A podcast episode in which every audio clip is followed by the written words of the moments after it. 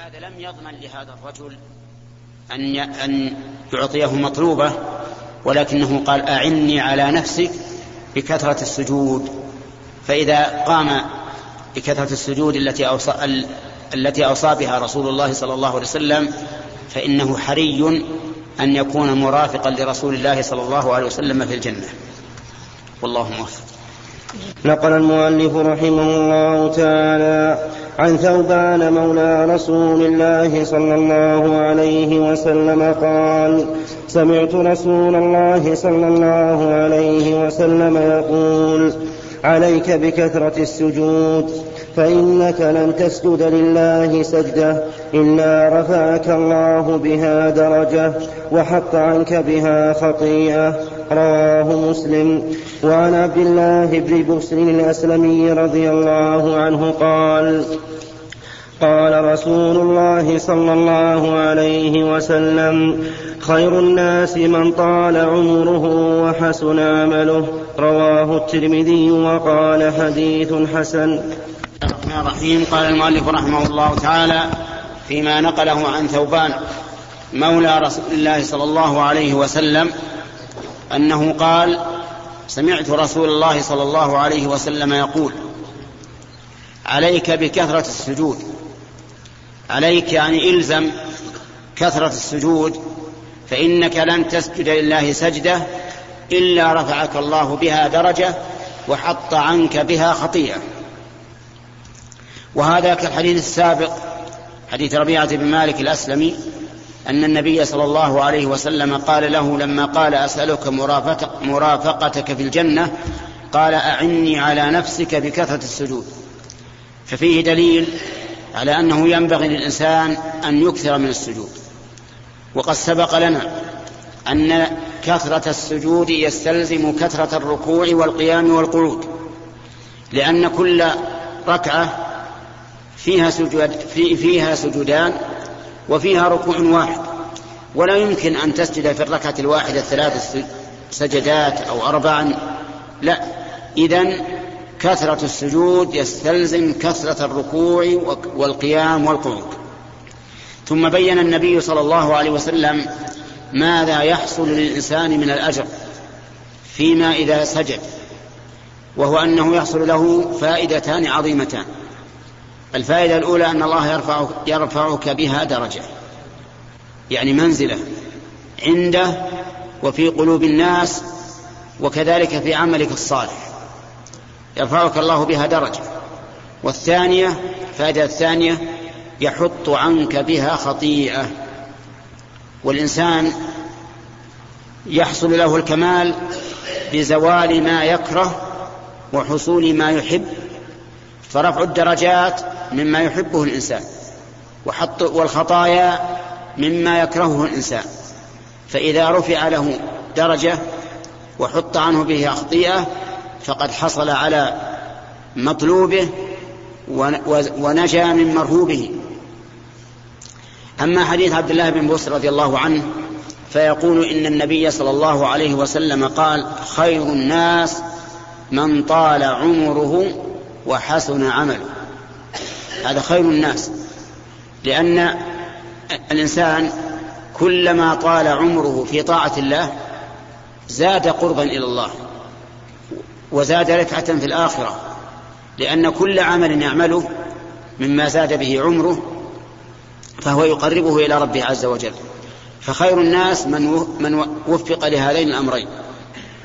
أما طول العمر فإنه من الله.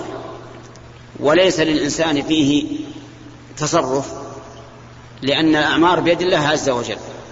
وأما حسن العمل فإن بإمكان الإنسان أن يحسن عمله لأن الله تعالى جعل له عقلا وأنزل الكتب وأرسل الرسل وبين, وبين المحجة وأقام الحجة. كل إنسان يستطيع أن يعمل عملا صالحا.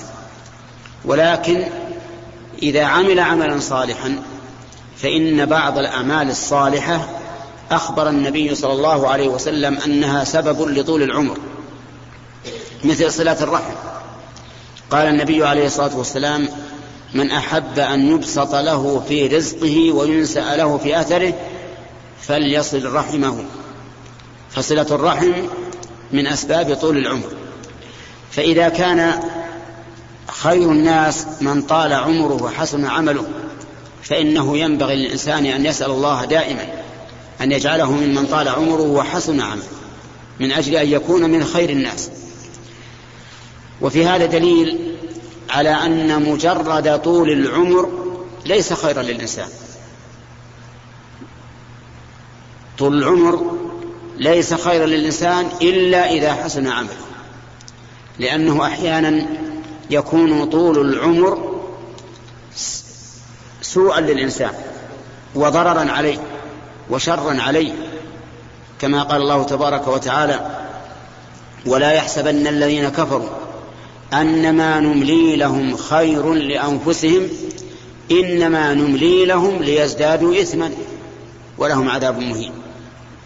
فهؤلاء الكفار يملي الله لهم يمدهم بالرزق والعافية وطول العمر والبنين والزوجات لا, لا لخير لهم ولكنه شر لهم والعياذ بالله لأنهم سوف يزدادون بذلك إثما. ومن ثم كره بعض العلماء أن يدعو للإنسان بطول البقاء. قال لا تقل أطال الله بقاك إلا مقيدا. قل قال قل أطال الله بقاك على بقاءك على طاعته. لأن طول البقاء قد يكون شرا للإنسان. نسأل الله أن يجعلنا وإياكم ممن طال عمره وحسن عمله وحسنت خاتمته وعاقبته. إنه جواد كريم. نقل المؤلف رحمه الله تعالى عن أنس بن مالك رضي الله عنه قال غاب عمي أنس بن النضر رضي الله عنه عن قتال بدر فقال يا رسول الله غبت عن أول قتال قاتلت المشركين. لئن غبت عن أول قتال قاتلت المشركين. لئن الله أشهدني قتال المشركين ليرين الله ما أصنع. فلما كان يوم أحد لئن الله أشهدني قتال المشركين ليرين الله ما أصنع. فلما كان يوم أحد انكشف المسلمون فقال اللهم اعتذر إليك مما صنع هؤلاء يعني أصحابه. وأبرأ إليك مما صنع هؤلاء يعني المشركين. ثم تقدم فاستقبله سعد بن معاذ فقال يا سعد بن معاذ الجنة ورب الكعبة. إني أجد ريحها من دون أحد. قال سعد فما استطعت يا رسول الله ما صنع؟ قال أنس فوجدنا به بضعا وثمانين ضربة بالسيف أو طعنة برمح أو رمية بسهم ووجدناه قد قتل ومثل به المشركون. فما عرفه أحد إلا أخته ببنانه قال أنس كنا نرى أو نظن أن هذه الآية نزلت فيه وفي أشباهه. من المؤمنين رجال صدقوا ما عاهدوا الله عليه إلى آخرها. متفق عليه. بسم الله الرحمن الرحيم. قال المؤلف رحمه الله تعالى فيما رواه عن أنس بن مالك رضي الله عنه عن أمه أنس بن النضر رضي الله عنه أن انسا لم يكن مع الرسول صلى الله عليه وسلم يعني أنس بن النضر في بدر. وذلك لأن غزوة بدر خرج إليه النبي صلى الله عليه وسلم وهو وهو لا يريد القتال وإنما يريد عير قريش وليس معه إلا ثلاثمائة وبضعة وبضعة رجل بضعة عشر رجلا. معهم سبعون بعيرا وفرسان يتعاقبون عليها. وقد تخلف عنها كثير من الصحابة لأنها ليست غزوة ولم يدعى إليها أحد وإنما خرج إليها الخفاف من الناس. قال أنس ابن النضر للنبي عليه الصلاة والسلام يبين له أنه لم يكن حضر معه في أول قتال قاتل المشركين فيه. وقال لئن أدركت قتالا ليرن, ليرين الله ما أصنع. فلما كانت أحد وهي بعد غزوة بدر بسنة وشهر خرج الناس وقاتلوا مع النبي صلى الله عليه وسلم وصارت الدائرة في أول النهار للمسلمين. ولكن لما تخلف الرماة عن الموقع الذي جعلهم النبي صلى الله عليه وسلم فيه ونزلوا من الجبل كر فرسان المشركين على المسلمين من خلفهم واختلطوا بهم وانكشف المسلمون. وصارت الهزيمة. لما انكشف المسلمون تقدم أنس بن النضر رضي الله عنه وقال اللهم إني أعتذر إليك مما صنع هؤلاء. يعني أصحابه وأبرأ إليك مما صنع هؤلاء يعني المشركين. ثم تقدم رضي الله عنه فاستقبله سعد بن معاذ فسأله إلى أين؟ فقال يا سعد إني لأجد ريح الجنة دون أحد. الله من فضله. وهذا وجدان حقيقي ليس تخيلا أو توهما ولكن من من كرامة الله لهذا الرجل أنه شم رائحة الجنة قبل أن يستشهد رضي الله عنه من أجل أن يقدم ولا يحجم فتقدم فقاتل فقتل رضي الله عنه استشهد ووجد فيه بضع وثمان ما بين ضربة بسيف أو برمح أو بسهم حتى إنه قد تمزق. جلده لم يعرفه أحد إلا أخته عرفته ببنانه رضي الله عنه. فكان المسلمون يرون أن الله أنزل فيه وفي أشباه هذه الآية من المؤمنين رجال صدقوا ما عاهدوا الله عليه فمنهم من قضى نحبه ومنهم من ينتظر وما بدلوا تبديلا. ولا شك أن هذا وأمثاله رضي الله عنهم يدخلون دخولا أوليا في هذه الآية فإنهم صدقوا ما عهدوا الله عليه. قال أنس والله ليرن ليرين الله ما أصنع ففعل وصنع صنعا لا يصنعه أحد إلا من من الله عليه بمثله حتى استشهد ففي هذا دليل أو في هذا الحديث شاهد للباب وهو مجاهدة الإنسان نفسه على طاعة الله. فإن أنس بن النضر جاهد نفسه هذا الجهاد العظيم حتى تقدم بعد أن انكشف المسلمون. وصارت الهزيمة يقاتل أعداء الله حتى قتل شهيدا رضي الله عنه. والله موفق. نقل المؤلف رحمه الله تعالى عن أبي مسعود عقبة بن عمرو الأنصاري رضي الله عنه قال لما نزلت آية الصدقة كنا نحامل على ظهورنا فجاء رجل فتص لما نزلت آية الصدقة كنا نحامل على ظهورنا فجاء رجل فتصدق بشيء كثير فقالوا مرا. وجاء رجل آخر فتصدق بصاع فقالوا إن الله لغني عن صاع هذا فنزلت الذين يلمزون المطوعين من المؤمنين في الصدقات والذين لا يجدون إلا جهدهم الآية متفق عليه ونحامل بضم النون وبالحاء المهملة. أن يحمل أحدنا على ظهره بالأجرة ويتصدق بها.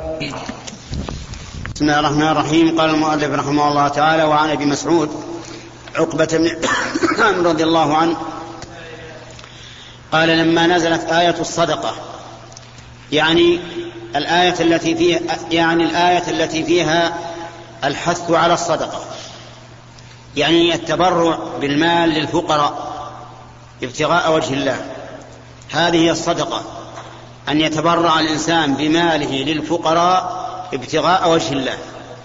وسميت صدقة لأن بذل المال لله عز وجل دليل على صدق الإيمان بالله. فإن المال من الأمور المحبوبة للنفوس.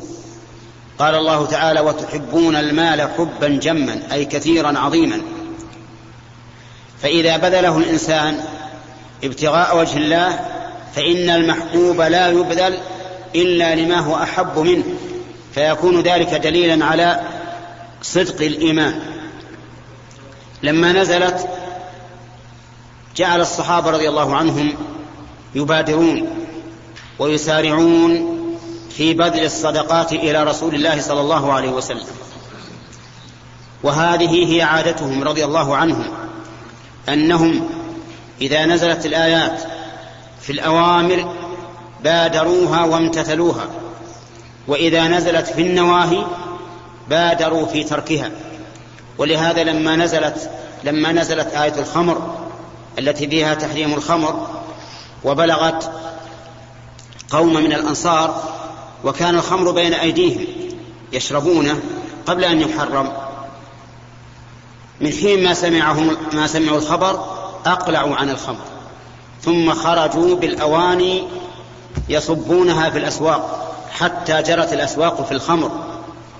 وهذا هو الواجب على كل مؤمن إذا بلغه عن الله ورسوله شيء أن يبادر بما يجب عليه من امتثال هذا الأمر أو اجتناب هذا النهي. المهم أن الصحابة بدأوا رضي الله عنهم يتحاملون الصدقة. كل واحد يحمل ما, ما بقدرته من الصدقة إلى رسول الله صلى الله عليه وسلم. فجاء رجل بصدقة كثيرة وجاء رجل بصدقة قليلة. فكان المنافقون إذا جاء الرجل بالصدقة الكثيرة قالوا هذا مرائي والعياذ بالله. يرائي الناس ما قص وجه الله. وإذا جاء الرجل بالصدقة القليلة قالوا إن الله غني عنه. جاء رجل بصاع فقالوا إن الله غني عن صاعها هذا. وهم منافقون. والمنافقون يظهرون الشماتة بالمؤمنين دائما. أكبر همهم وأعذب مقال لهم وألذ مقال على أسماعهم أن يسمعوا ويقولوا ما فيه سب المسلمين والمؤمنين والعياذ بالله لأنهم منافقون هم العدو كما قال الله عز وجل فاحذر المنافق احذر المنافق الذي يظهر لك خلاف ما يبطن المهم أنهم صاروا إن جاء رجل بكثير قالوا هذا المراد وإن جاء بقليل قالوا إن الله غني عن صاعك ولا ينفعك. فأنزل الله عز وجل الذين يلمزون المطوعين من المؤمنين في الصدقات. يلمزون يعني يعيبون. المصدقين يعني المتصدقين.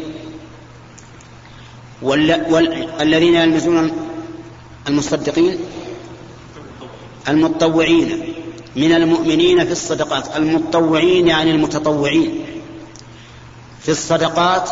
والذين لا يجدون إلا جهدهم. والذين هذه معطوفة على قولها المتطوعين يعني ويلمزون الذين لا يجدون إلا جهدهم فهم يلمزون هؤلاء وهؤلاء فيسخرون منهم سخر الله منهم ولهم عذاب أليم. فهم سخروا بالمؤمنين فسخر الله منهم والعياذ بالله. ففي هذا دليل على حرص الصحابة على استباق الخير ومجاهدتهم أنفسهم على ذلك. وفي هذا دليل أيضا على أن الله عز وجل يدافع عن المؤمنين. فانظر كيف أنزل الله آية في كتاب الله مدافعة عن المؤمنين الذين كان هؤلاء المنافقون يلمزونهم وفي دليل على شدة العداوة من المنافقين للمؤمنين. وأن المؤمنين لا يسلمون منهم إن عملوا كثيرا سبوهم. وإن عملوا قليلا سبوهم. ولكن الأمر ليس إليهم بل إلى الله عز بل إلى الله عز وجل. ولهذا سخر الله منهم وتوعدهم بالعذاب الأليم في قوله ولهم عذاب أليم. أما حكم المسألة هذه فإن الله تعالى قال في كتابه فمن يعمل مثقال ذرة خيرا يره ومن يعمل مثقال ذرة شرا يره. القليل والكثير من الخير سيراه الإنسان ويجازى به. والقليل والكثير من الشر سيراه الإنسان ويجازى عليه. وصح عن النبي صلى الله عليه وسلم أن الإنسان إذا تصدق بعدل تمرة أي بما يعادلها من كسب طيب ولا يقبل الله إلا الطيب فإن الله تعالى يأخذها بيمينه فيربيها له حتى تكون مثل الجبل. قارن بين حبة من التمر وبين الجبل. لا نسبة. الجبل أعظم بكثير. فالله سبحانه وتعالى يجزي الإنسان على ما عمل من خير قل أو كثر. ولكن احرص على أن تكون نيتك خالصة لله. لا تريد بذلك جزاء ولا شكورا من غير الله وعلى أن تكون متبعا في ذلك رسول الله صلى الله عليه وسلم. والله موفق. نقل المؤلف رحمه الله تعالى عن أبي ذر الغفاري رضي الله عنه عن النبي صلى الله عليه وسلم فيما يرويه عن ربه عز وجل أنه قال يا عبادي إني حرمت الظلم على نفسي وجعلته بينكم محرما فلا تظالموا. يا عبادي كلكم ضال إلا من هديته فاستهدوني أهدكم. يا عبادي كلكم جائع إلا من أطعمته فاستطعم فاستطعموني أطعمكم. يا عبادي كلكم عار إلا من كسوته فاستكسوني أكسكم. يا عبادي إنكم تخطئون بالليل والنهار وأنا أغفر الذنوب جميعا. فاستغفروني أغفر لكم. يا عبادي لو أن بسم الله الرحمن الرحيم. قال المؤلف رحمه الله تعالى فيما نقله عن أبي ذر الغفاري رضي الله عنه في باب المجاهدة عن النبي صلى الله عليه وسلم أنه قال فيما يرويه عن ربه تبارك وتعالى يعني أن الرسول عليه الصلاة والسلام حدث عن الله أنه قال إلى آخره. وهذا يسمى عند أهل العلم بالحديث القدسي أو الحديث الإلهي. وأما ما كان من حديث النبي صلى الله عليه وسلم فإنه يسمى الحديث النبوي. هذا الحديث القدسي يقول الله تعالى فيه يا عبادي إني حرمت الظلم على نفسي وجعلته بينكم محرما فلا تظالموا. يقول جل وعلا إني حرمت الظلم على نفسي أي أن لا أظلم أحدا لا بزيادة سيئات لم يعملها ولا بنقص حسنات عملها بل هو سبحانه وتعالى حكم عدل محسن فحكمه وثوابه لعباده دائر بين أمرين بين فضل وعدل. فضل لمن عمل الحسنات وعدل لمن عمل السيئات وليس هناك شيء ثالث هو الظلم.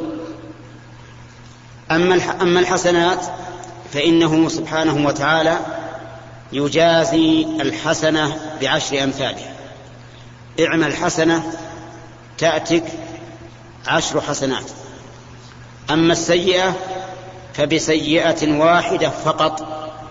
قال الله تعالى في سورة الأنعام وهي مكية من جاء بالحسنة فله عشر أمثالها ومن جاء بالسيئة فلا يجزى إلا مثلها وهم لا يظلمون.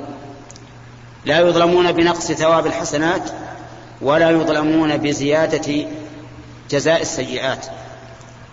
بل ربنا عز وجل يقول فمن يعمل من الصالحات وهو مؤمن فلا يخاف ظلما ولا هضما.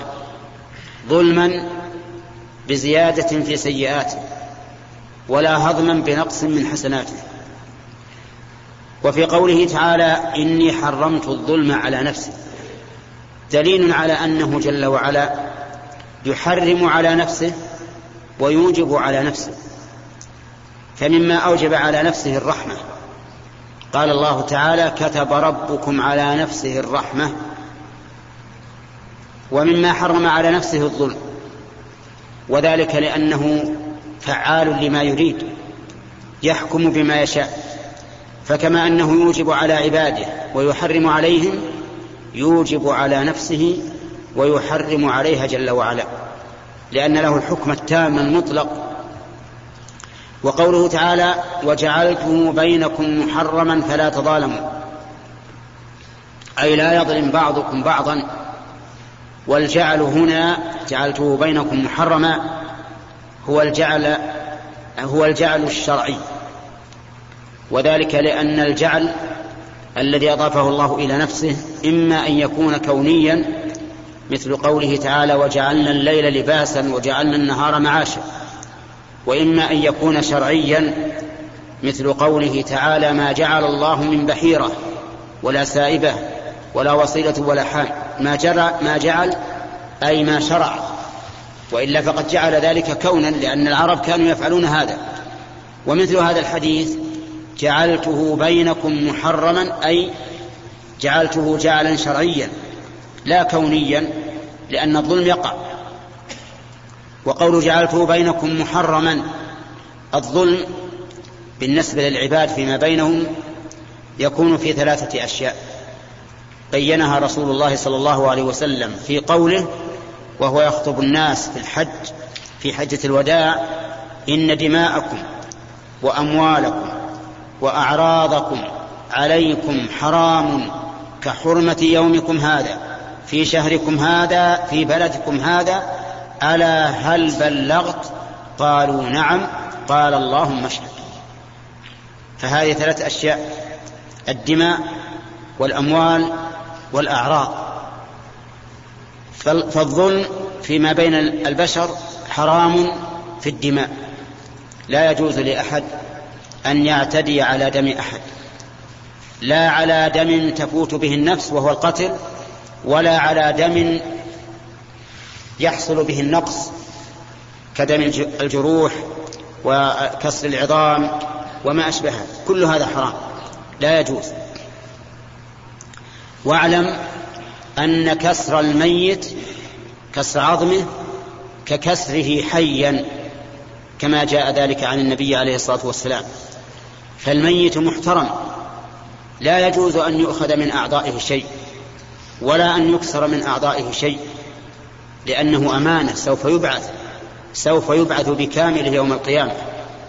وإذا كان كذلك فلا يجوز أن نأخذ منه شيئا.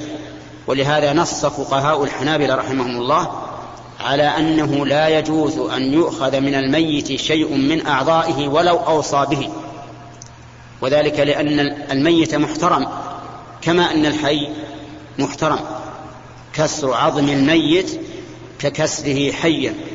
فإذا أخذنا من الميت عضوا أو كسرنا منه عظما كان ذلك جناية عليه وكان اعتداء عليه وصار و و وكنا آثمين بذلك. والميت نفسه لا يستطيع أن يتبرع بشيء من أعضائه لأن أعضاءه أمانة عنده أمانة لا يحل أن أن يفرط فيها. ولهذا قال الله تعالى ولا تقتلوا أنفسكم. وفسرها عمرو بن العاص رضي الله عنه بأن الإنسان إذا كان عليه جنابة وكان في البر وخاف إن اغتسل أن يتضرر جعل عمرو بن العاص هذا داخلا في الآية. فإن عمرو بن العاص رضي الله عنه كان في سرية فأجنب وكانت الليلة باردة فتيمم وصل وصلى بأصحابه. فلما رجعوا إلى الرسول عليه الصلاة والسلام وبلغه الخبر قال لعمر أصليت بأصحابك وأنت جنوب؟ يعني لم تغتسل قال يا رسول الله إني ذكرت قول الله تعالى ولا تقتلوا أنفسكم إن الله كان بكم رحيما. وخفت البرد فتيممت فضحك النبي صلى الله عليه وسلم. وأقره على فعله وعلى استدلاله بالآية. لم يقل إن الآية لم تدل على هذا. فإذا كل شيء يضر أبداننا أو يفوت منها شيئا فإنه لا يحل لنا أن نفعله. لا تقتلوا أنفسكم. لماذا حرم علينا أن نتناول الدخان وغيره من الأشياء الضارة إلا من أجل حماية البدن؟ فالبدن محترم. هذا ما هذا قول الرسول عليه الصلاة والسلام إن دماءكم يشمل إذن الدم الذي يهلك به الإنسان وهو القتل والدم الذي دون ذلك من جرح أو كسر عظم أو ما أشبه ذلك. ويأتي إن شاء الله بقية الحديث. الرحيم. قال المؤلف رحمه الله تعالى فيما نقله عن أبي ذر الغفاري رضي الله عنه عن النبي صلى الله عليه وسلم فيما رويه عن ربه أنه قال يا عبادي إني حرمت الظلم على نفسي وجعلته بينكم محرما فلا تظالموا. تقدم الكلام على أول هذا الحديث على هذه الجملة وبينا أن الظلم يكون في ثلاثة أمور. بينها الرسول صلى الله عليه وسلم في خطبه في حجة الوداع وهي الأنفس الدماء والأعراض والأموال. فقال إن دماءكم وأموالكم وأعراضكم عليكم حرام. سبق الكلام على شيء مما يتعلق بالدماء أما قوله وأموالكم. فإن الأموال قد حرم الله سبحانه وتعالى على بعضنا أن يأخذ مال أخيه بغير حق. بأي نوع من من بأي نوع من الأنواع. سواء أخذه غصبا بأن يأخذه بالقوة أو أخذه سرقة أو اختطافا أو خيانة. أو غشا أو كذبا بأي نوع من الأنواع يأخذه فإنه حرام عليه. وعلى هذا فالذين يبيعون على الناس بالغش ولا سيما أهل الخضار كل درهم يعني كل ريال بل كل قرش واحد يدخل عليهم زائدا عن الثمن من أجل الغش فإنه حرام. فالذين يغشون في البيع أو في الشراء يرتكبون محذورين. المحذور الأول العدوان على إخوانهم المسلمين بأخذ أموالهم بغير حق. والثاني أنهم ينالون تبرؤ النبي صلى الله عليه وسلم منهم. وبئس البضاعة بضاعة يلتحق فيها صاحبها أو يلتحق بها صاحبها بالبراءة من رسول الله صلى الله عليه وسلم. قال النبي صلى الله عليه وسلم فيما صح عنه من غش فليس مني. ومن ذلك ما يفعله بعض الجيران تجده دخل المراسيم على جاره من أجل أن, يز أن تزيد أرضه.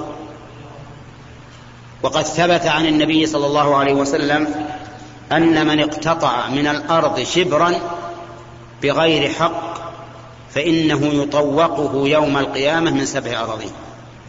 يكون يوم القيامة من سبع أراضين طوقا في في عنقه والعياذ بالله. يحمله في يوم المحشر. هذا من الظلم. من الظلم أيضا أن يكون لشخص على شخص دراهم. ثم ينكر الذي عليه الحق ويقول ليس عندي لك شيء. فهذا من أكل المال بالباطل حتى لو فرض أنه تحاكم إلى القاضي مع خصمه وغلبه عند القاضي فإنه لا يغلبه عند الله. قال النبي عليه الصلاة والسلام إنكم تختصمون إلي ولعل بعضكم أن يكون ألحن بحجته من بعض فأقضي له وإنما أقضي بنحو ما أسمع. فمن قضيت له بحق بشيء من حق أخيه فإنما أقتطع له جمرة من النار فليستقل أو ليستكثر. لا تظن أنك إذا غلبت خصمك عند القاضي أنك إذا كنت مبطلا تسلم من هذا في الآخرة أبدا. لأن القاضي إنما يقضي بنحو ما يسمع ولا يعلم الغيب. ولكن علام الغيوب جل وعلا هو الذي يحاسبك يوم القيامة. وكذلك أيضا من, من أنواع الأكل أكل الأموال أن يدعي شخص على آخر ما ليس له. يدعي ما ليس له. ويقيم على ذلك بينة شهادة الزور ويحكم له بذلك فإن هذا من أكل المال بالباطل والأنواع كثيرة لكنها كلها محرمة إذا لم تكن بحق ولهذا قال عز وجل فلا تظالم. أما الأعراض فهي أيضا حرام فلا يحل للإنسان أن يقع في عرض أخيه يغتابه في المجالس يسبه فإن ذلك من كبائر الذنوب. قال الله عز وجل يا أيها الذين آمنوا اجتنبوا كثيرا من الظن إن بعض الظن إثم. ولا تجسسوا ولا يغتب بعضكم بعضا. انظر للترتيب. اجتنبوا كثيرا من الظن. فإذا ظن الإنسان بأخيه شيئا تجسس عليه. ولهذا قال ولا تجسس. فإذا تجسس صار يغتاب. ولهذا قال في الثالثة المرتبة الثالثة ولا يغتب بعضكم بعضا. أيحب أحدكم أن يأكل لحم أخيه ميتا؟ الجواب لا. لا يحب بل يكره. ولهذا قال فكرهتموه. قال بعض المفسرين إذا كان يوم القيامة فإنه يؤتى بالرجل ال- الذي اغتابه الشخص. يمثل له بصورة إنسان ميت ثم يقال كل من لحمه. ويكره على ذلك وهو يكرهه لكن يكره على هذا عقوبة له والعياذ بالله. فالغيبة وهي انتهاك أراضي أخيك هذه محرمة. وقد روى أبو داود أن النبي صلى الله عليه وسلم مر ليلة عرج به بقوم لهم أظفار من نحاس يخمشون بها وجوههم وصدورهم. يعني يكرون الوجوه والصدور بهذه الأظفار التي من النحاس. فقال يا جبريل من هؤلاء؟ قال هؤلاء الذين يأكلون لحوم الناس ويقعون في أعراضهم. نعوذ بالله. ثم إن الإنسان إذا انتهك أرض أخيه فإن أخاه يأخذ منه في الآخرة من حسناته. ولهذا يذكر أن بعض السلف قيل له إن فلانا يغتابك. فقال مؤكد قالوا نعم اغتابك فصنع هدية له ثم بعث بها إليه. فاستغرب الرجل. كيف إنه يغتابه ويرسل له هدية؟ قال نعم. إنك أهديت إلي حسنات والحسنات تبقى وأنا أهديت إليك هدية في الدنيا تذهب. فهذه مكافأة على هديتك لي. شوف فقه السلف رضي الله عنهم.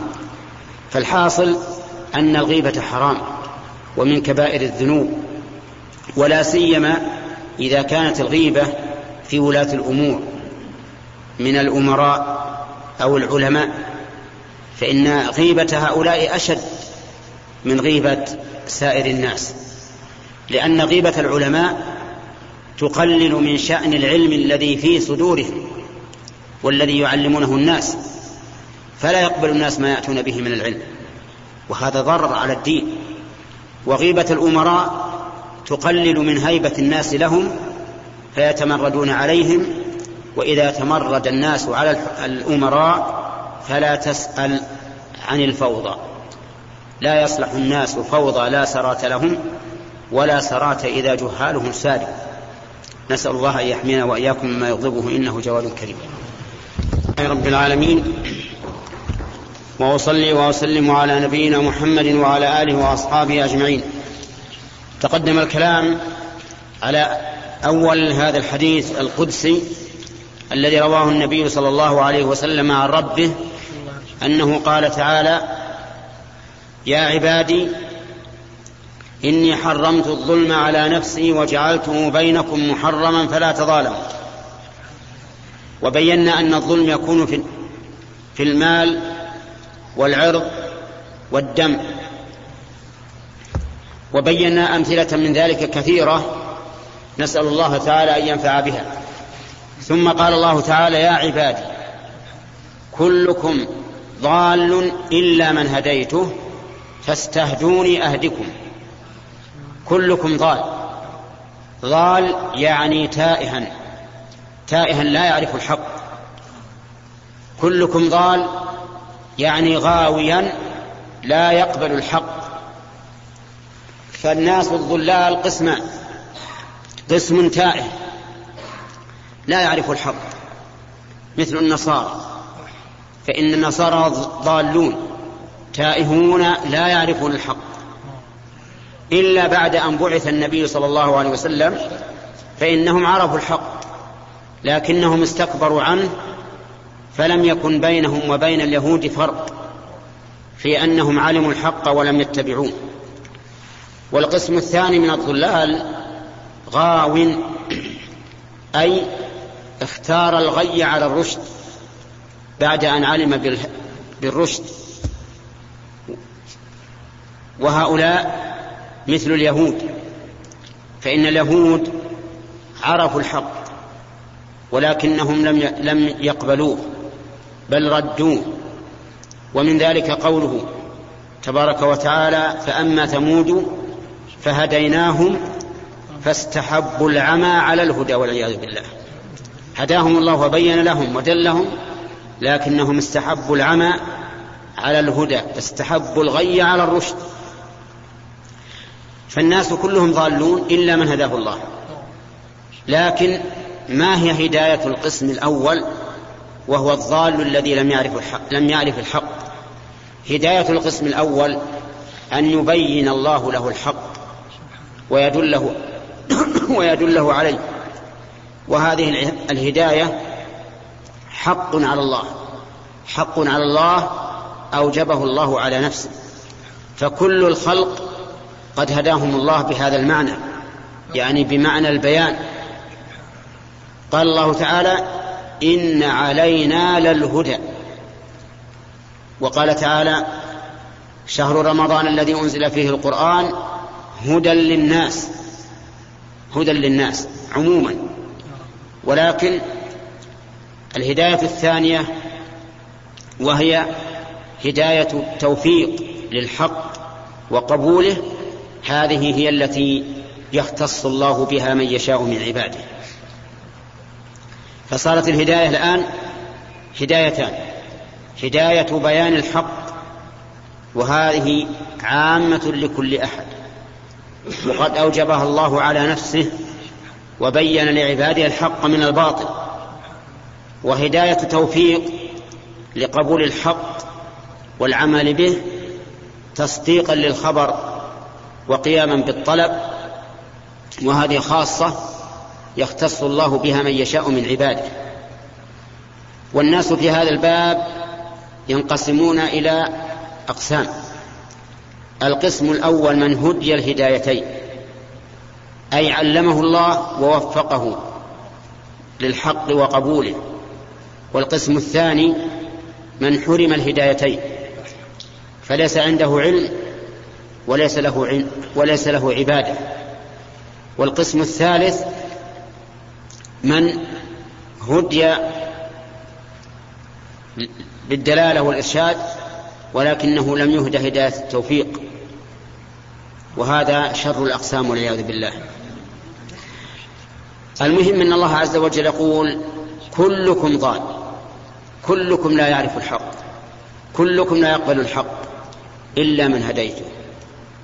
فاستهدوني أهدكم يعني أطلبوا الهداية مني. فإذا طلبتموها فإنني أجيب لكم وأهديكم إلى الحق. ولهذا جاءت استهدوني أهدكم جاءت جاءت جاء الجواب وكأنه جواب شرط يتحقق الشرط المشروط يتحقق المشروط عند وجود الشرط. ودليل هذا أن الفعل جزم. استهدوني أهدكم. فمتى طلبت الهداية من الله؟ بصدق وافتقار إليه وإلحاح فإن الله يهديك. ولكن أكثرنا معرض عن هذا. أكثرنا قائم بالعبادة لكن على العادة وعلى ما يفعل الناس ما كأننا مفتقرون إلى الله سبحانه وتعالى في, الهداية في طلب الهداية. فالذي يليق بنا أن نسأل الله دائما الهداية. والإنسان في كل صلاة يقول رب اغفر لي وارحمني واهدني. بهذا الشريط يا أحبابنا ينتهي هذا الشرح المبارك.